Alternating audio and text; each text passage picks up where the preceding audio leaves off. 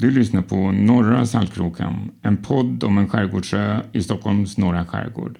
Ön blev känd i mitten av 1960-talet eftersom Saltkrokan-filmerna spelades in här. I podden ska vi berätta om Norras invånare från förr och om oss som lever och längtar dit nu. Min släkt flyttade till Norra på 1830-talet från närbelägna Sundskär.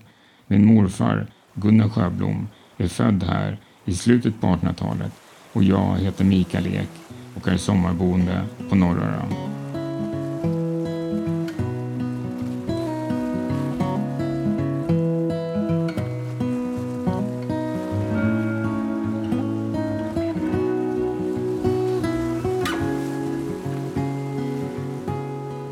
En posttur i februari från Söderöra till de fastboende på Svartlöga och Rödlöga blev ett minne för livet.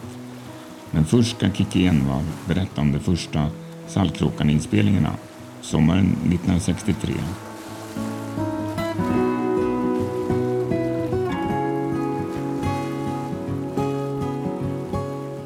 Jag minns ju att jag var här när de började spela in, alltså allra första filmen då, 1963. För då var jag ju här före midsommar.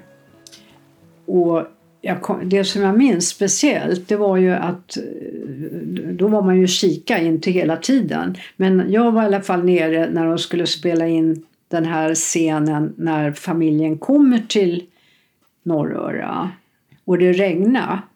Kommer du ihåg det? Att det Ja, regnade? Ja. Mm.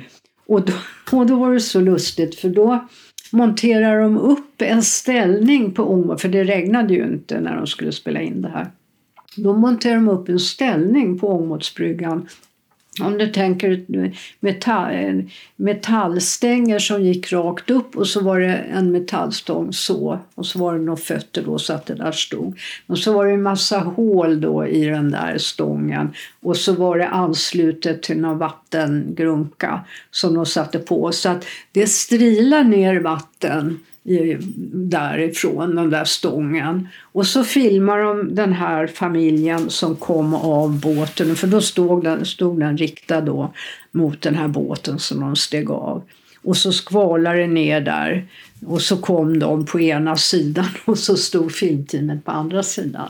Det, det, är- det är ett sånt där minne. Jag tänkte, jaha, det är så här det går till. Man ser Ja, att det, ja, det är att det- lite ja. så gjort, Mm, eller, ja. men det var ju roligt att höra den där historien. Ja, jo, nej, men det uppfattar man ju inte. Det, man ser ju att det, det regnar ju. Det var ju förfärligt. Det var en enkel regnmaskin. Ja, det var en regnmaskin. Och det, det var liksom en av de första scenerna jag såg då. Så det var lite kul. Mm. Nej, men sen var ju de här hela sommaren. Men som sagt, jag får ju iväg så jag var inte så mycket här. Ja, det, det, var, Men- det pågick stor del av sommaren. Hela sommaren faktiskt. För att då minns jag att när jag väl kom tillbaka då, jag hade varit ute och cykla i Frankrike var det väl. Och, jo, det var det. Och ehm, sen hade jag, kom jag hem för då skulle jag vara här ett par veckor eller någon vecka. Och då minns jag så väl, då var jag ensam, då bodde vi i det här lilla torpet på väg till kapellet där. Och så knackade det på dörren och jag hade ju sovit länge då. Jag var ju trött, hade flanellpyjamas på mig kommer jag ihåg.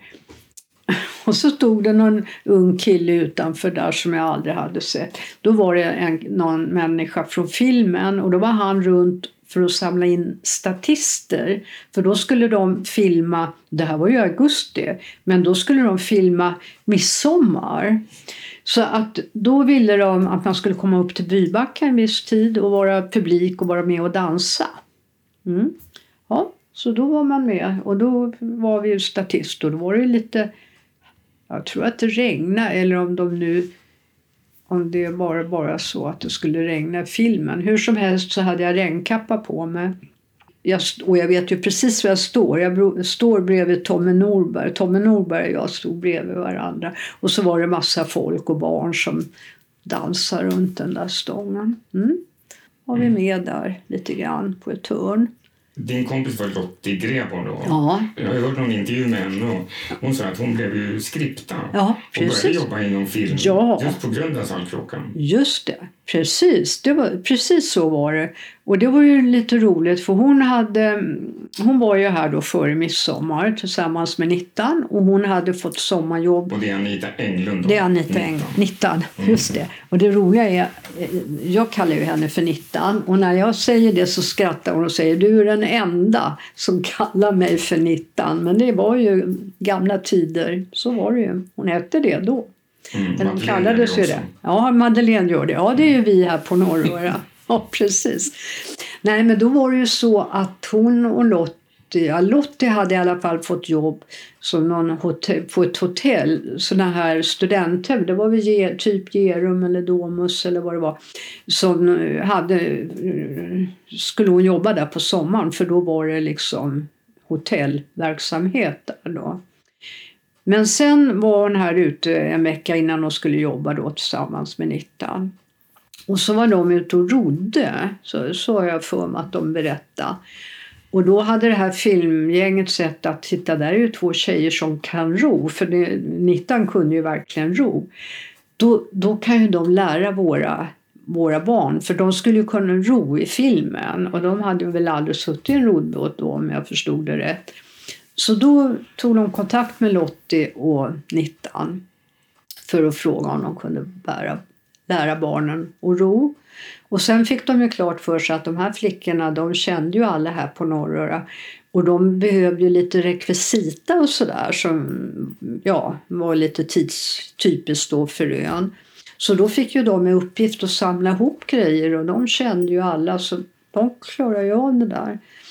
Så att det där blev ju bra. Och då kom de på att det här, här har vi nog nytta av. Så då, då fick ju Lottie anställning. Då ringde hon ju återbud till, till det där andra jobbet. Och så jobbade hon här hela sommaren. Ja, och sen fortsatte hon med det. Det är det är ju fantastiskt.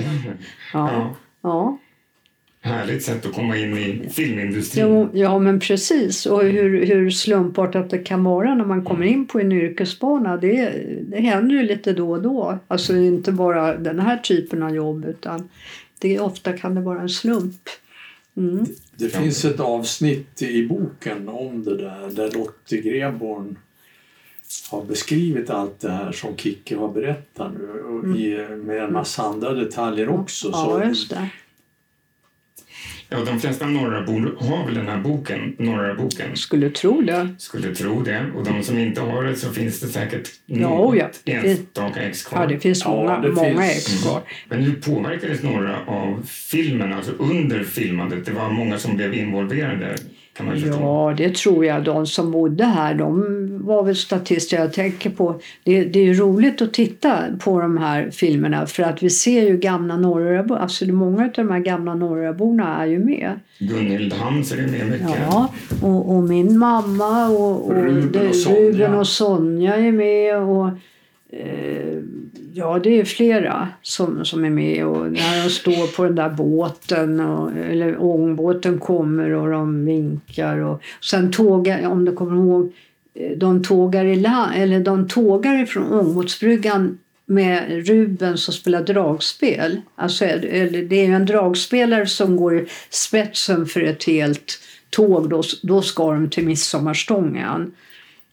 Och då är det Nalles pappa Ruben som spelar dragspel. Och sen kom ju, min mamma kom ju ganska snart efter i en mm. blå prickig klänning. Man ser ju henne väldigt, det är ju som att se henne levande faktiskt. Så det, det är kul för oss då som har anhöriga med det. Det finns kanske några utav er också, det, jag kommer inte ihåg det. Jag vet faktiskt inte riktigt men ja. Men eh. där kan du, kan, kan du hitta någon mm, säkert. Ja, och jag vet att förr i världen gjorde man alltid det. Då gick man ju i, i ett tåg med dragspelare. Det gjorde man även när jag var barn. Ja. Ja. Från... Eh, var var det man startade? Ja, var det jag kommer inte riktigt... Klubbslätten? Kanske. Ja. Men, ja. Och, och Gunnel ja, i kanske. folkdräkt? Ja, Gunnel i folk, Gunnel i folkdräkt, ja precis. Och med dragspelare? Ja, då kan det nog ha varit Ruben och sen Hedqvist spelar ju också dragspel. Sen var det någon, jo Bertil Olsson. Om det kommer Olsson, Kerstin Olsson. Nej. Han var vaktmästare i kyr, eh, eh, Gamla stan där. Ja, just det. Storkyrkan. Storkyrkan, alltså, Mm. folksal. Mm. Det var ju där vi hyrde de där lokalerna när vi hade de där årsfesterna. Mm. Han spelar ju också dragspel, Bertil. Ja. Men hur påverkades norra av den här uppståndelsen som skedde då? För att det måste ju varit... Ja, först var det en okänd, eh, anonym ja. skärgårdsö och sen året Så- efter så var det inte det. Nej, precis. Alltså jag kommer egentligen inte riktigt ihåg. Det var väl det att jag var inte så mycket. Jag, jag var ju här ett par veckor då varje år så kom jag i helger. Jag kan inte säga det egentligen hur det påverkades.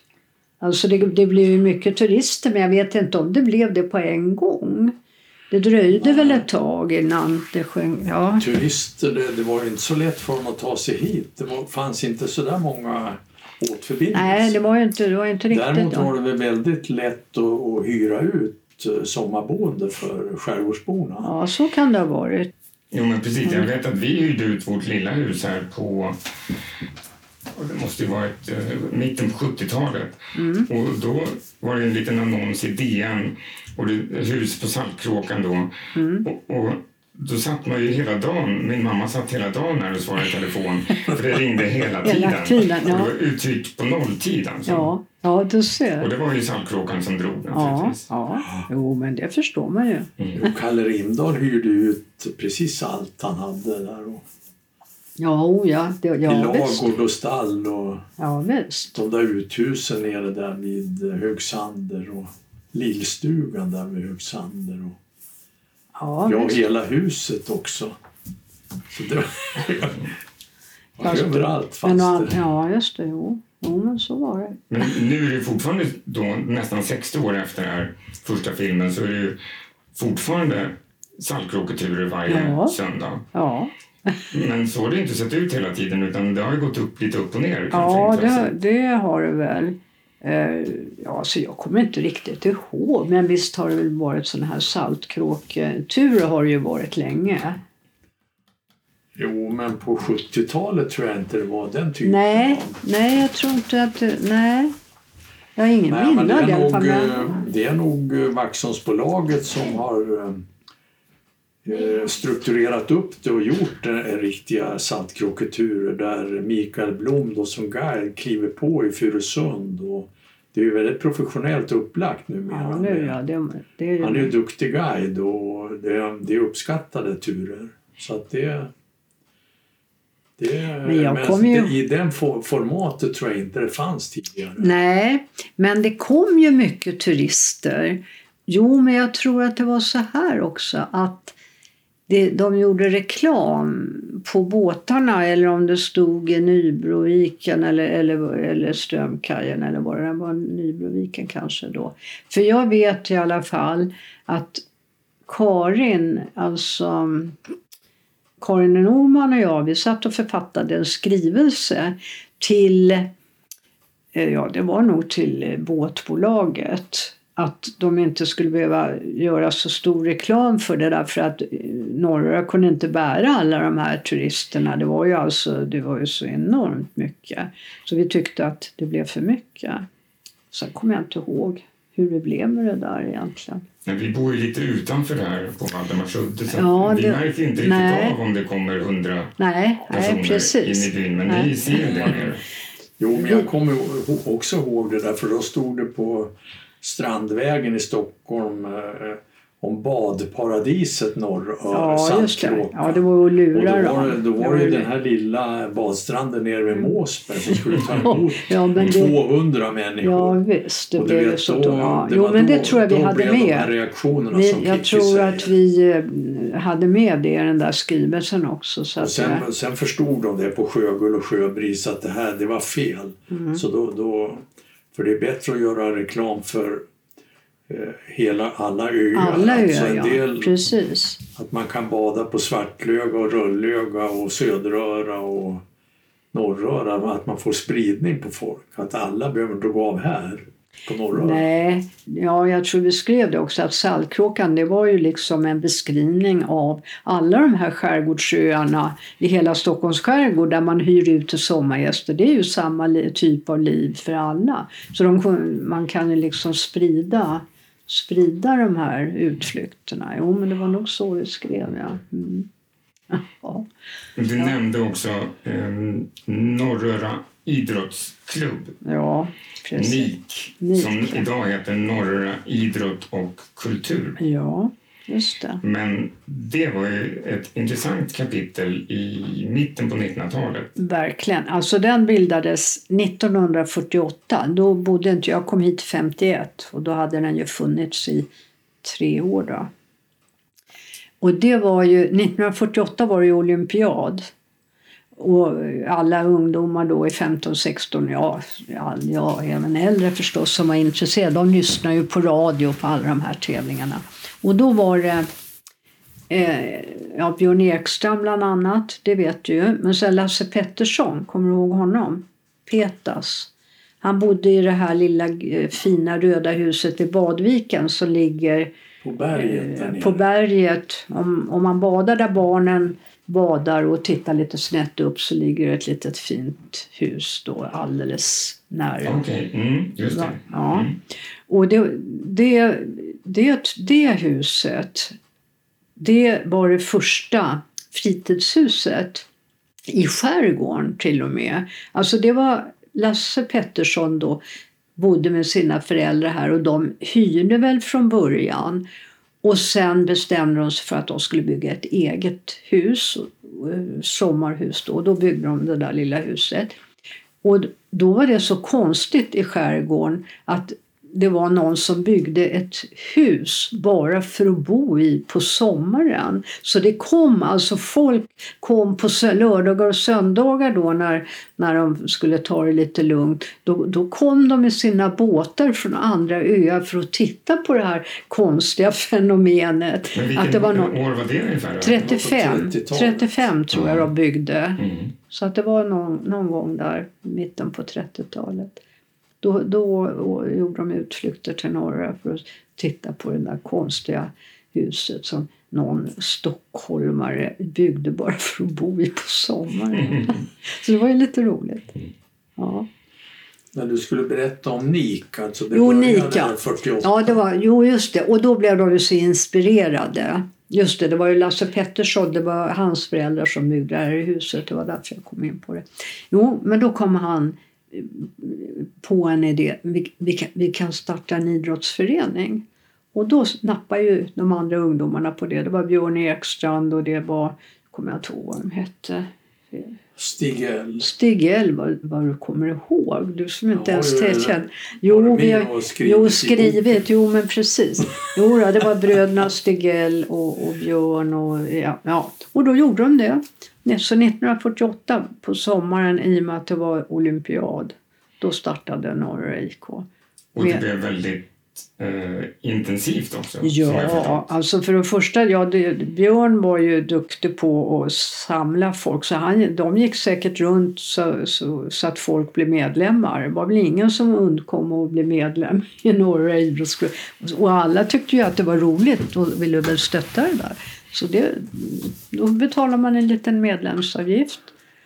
Och sen gick man med i Norra idrottsklubb. Och så var det, det var ju mycket simning, mycket bad och simning.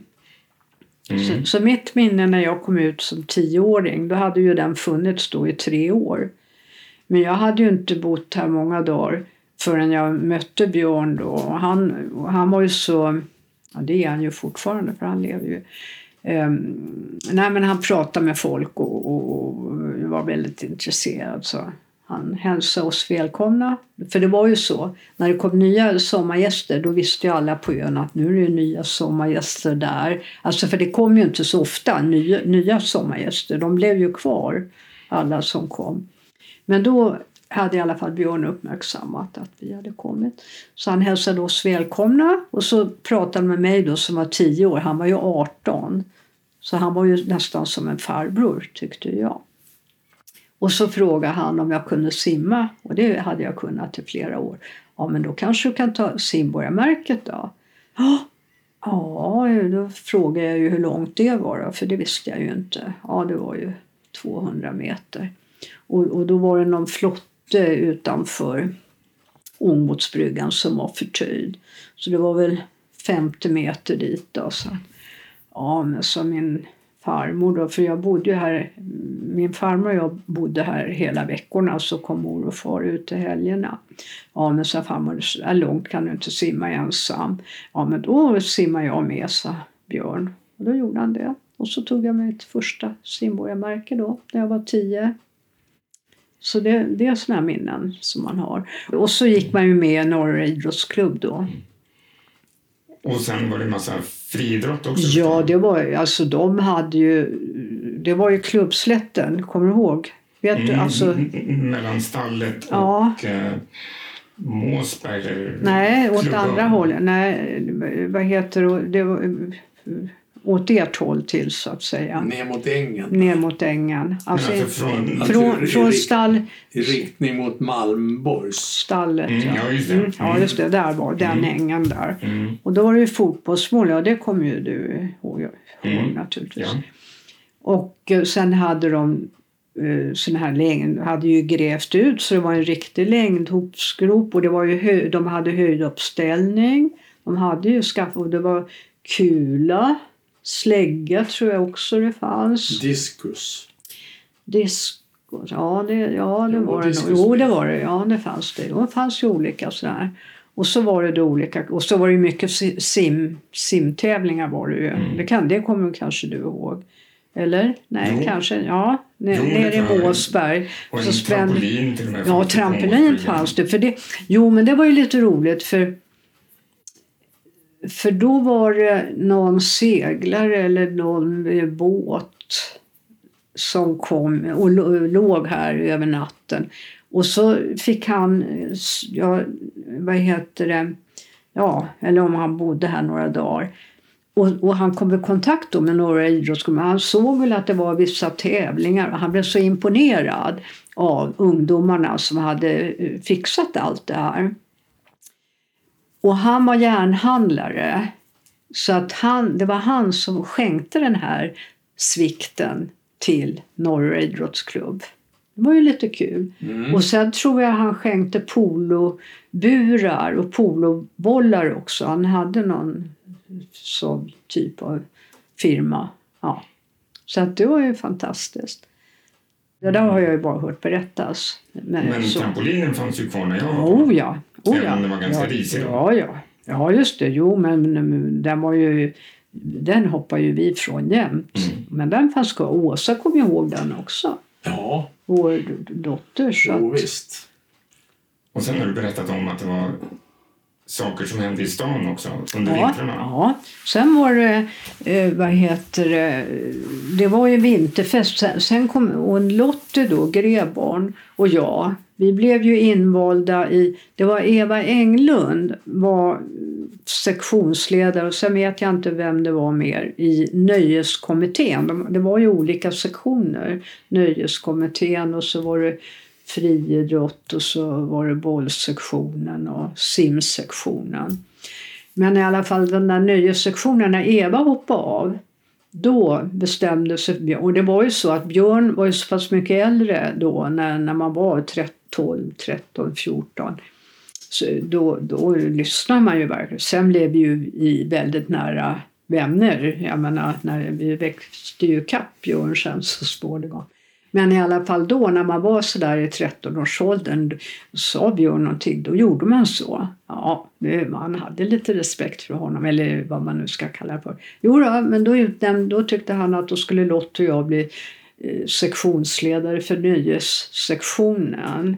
Och det var ju, då var vi inte så himla gamla. Men det blev vi. Då var vi ganska många år. Nej, men då ordnade man lite fester även i stan. Vi hade till exempel alltid Lucia-firande hos Tommy Norberg.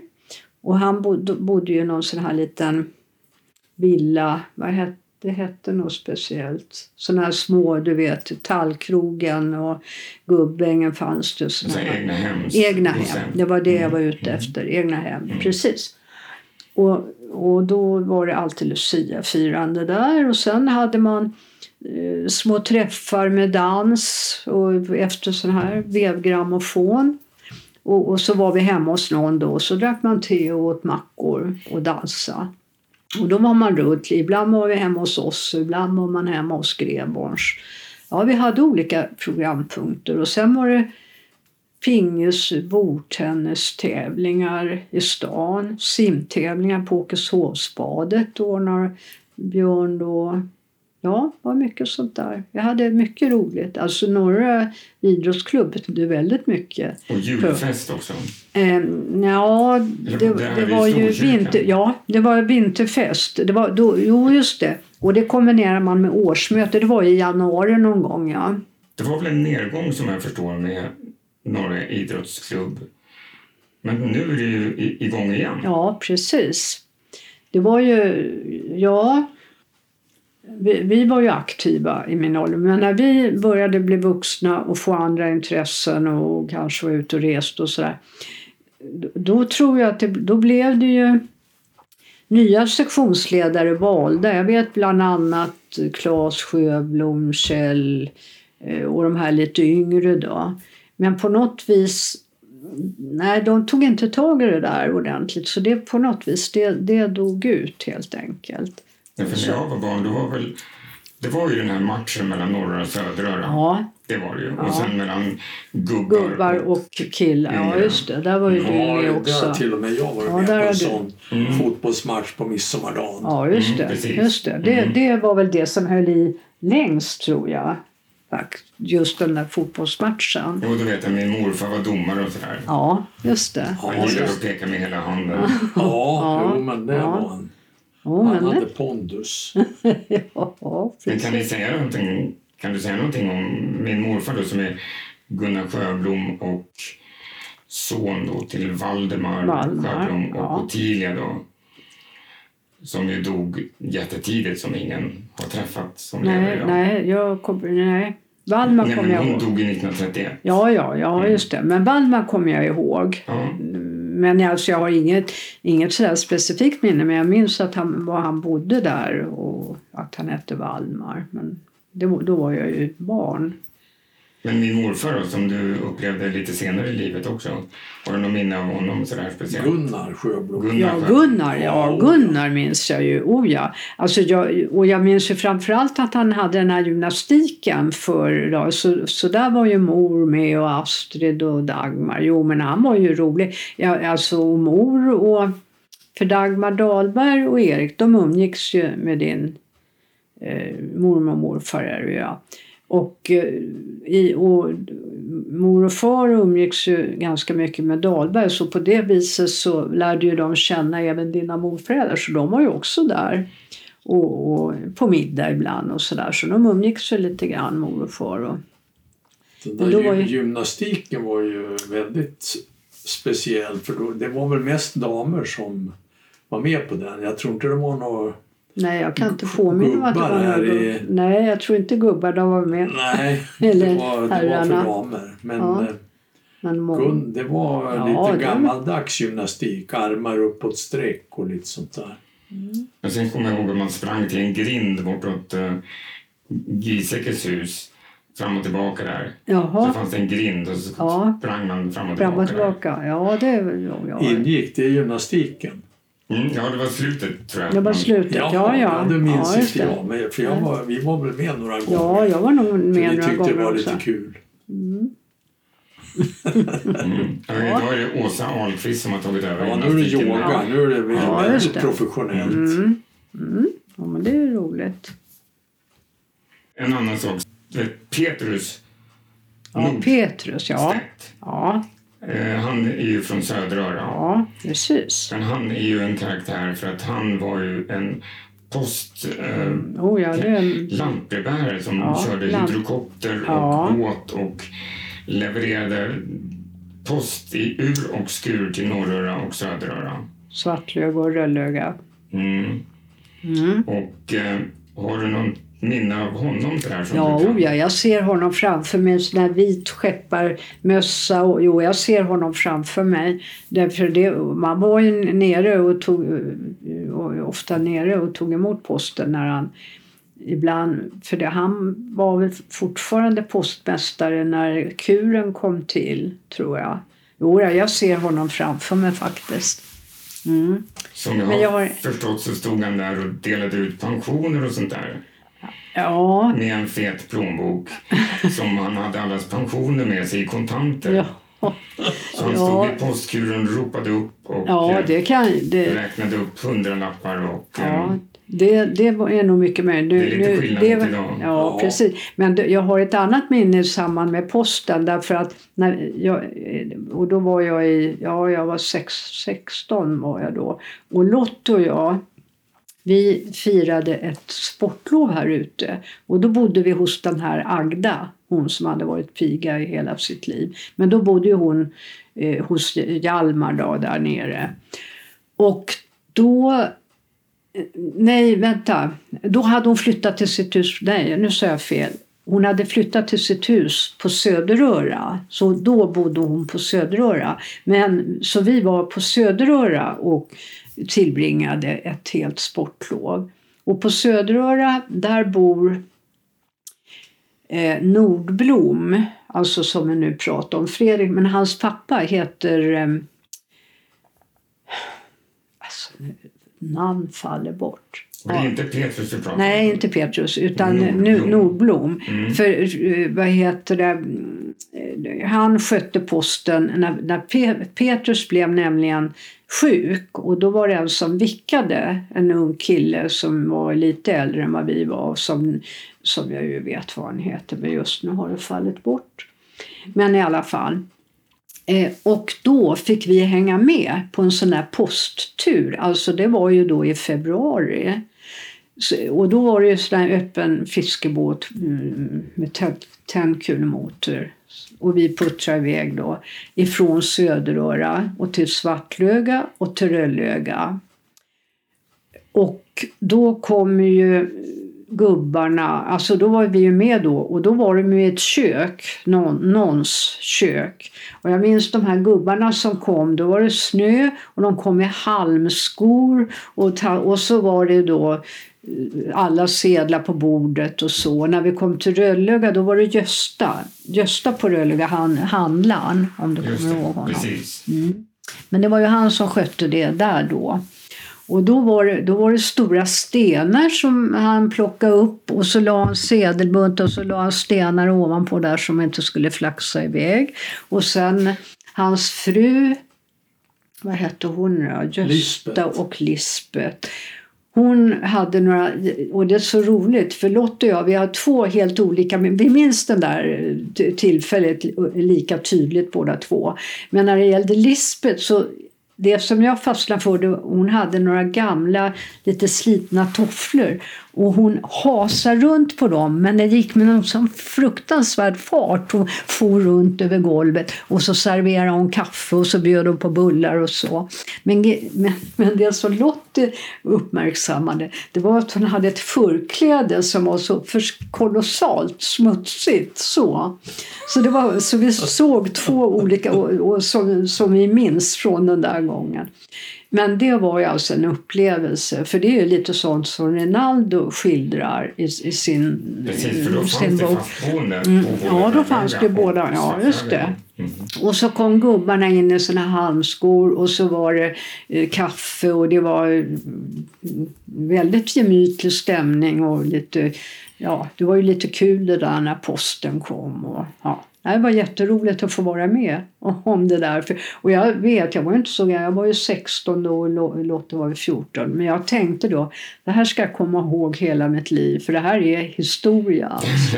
Ja, ja, ja, det var Då jättekul. betalar hon räkningar och, och Ja, då betal... fick pension Ja, och och fick pengar. Ja.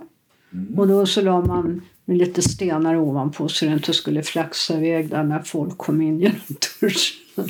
Ja, det, ja, ja det, det är fantastiskt. Fantastiskt. Ja, det är roligt. Det var jättekul alltså. Och ha fått vara med om faktiskt. Och sen eh, bara sjöturen då mitt i vintern ut sådär i skärgården. Ja, nej det var roligt. Herbert heter han. Herbert Jansson. Herbert Jansson. Han bor på Söderöra. Tack så jättemycket, Ja, varsågod. Kikki och Lasse.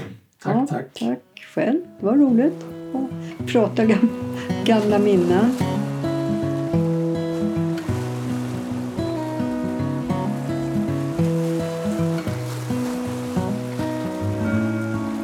Ett stort tack till Kikki och Lasse Envall. Tack också till Anna Linder för stort tålamod och oumbärligt stöd. För kontakt på Facebook så sök på Norra Saltkråkan-podden och på Instagram är namnet Saltkrakan. Prenumerera gärna på podden så missar du inte nästa avsnitt som kommer om två veckor. Tack för att du lyssnat.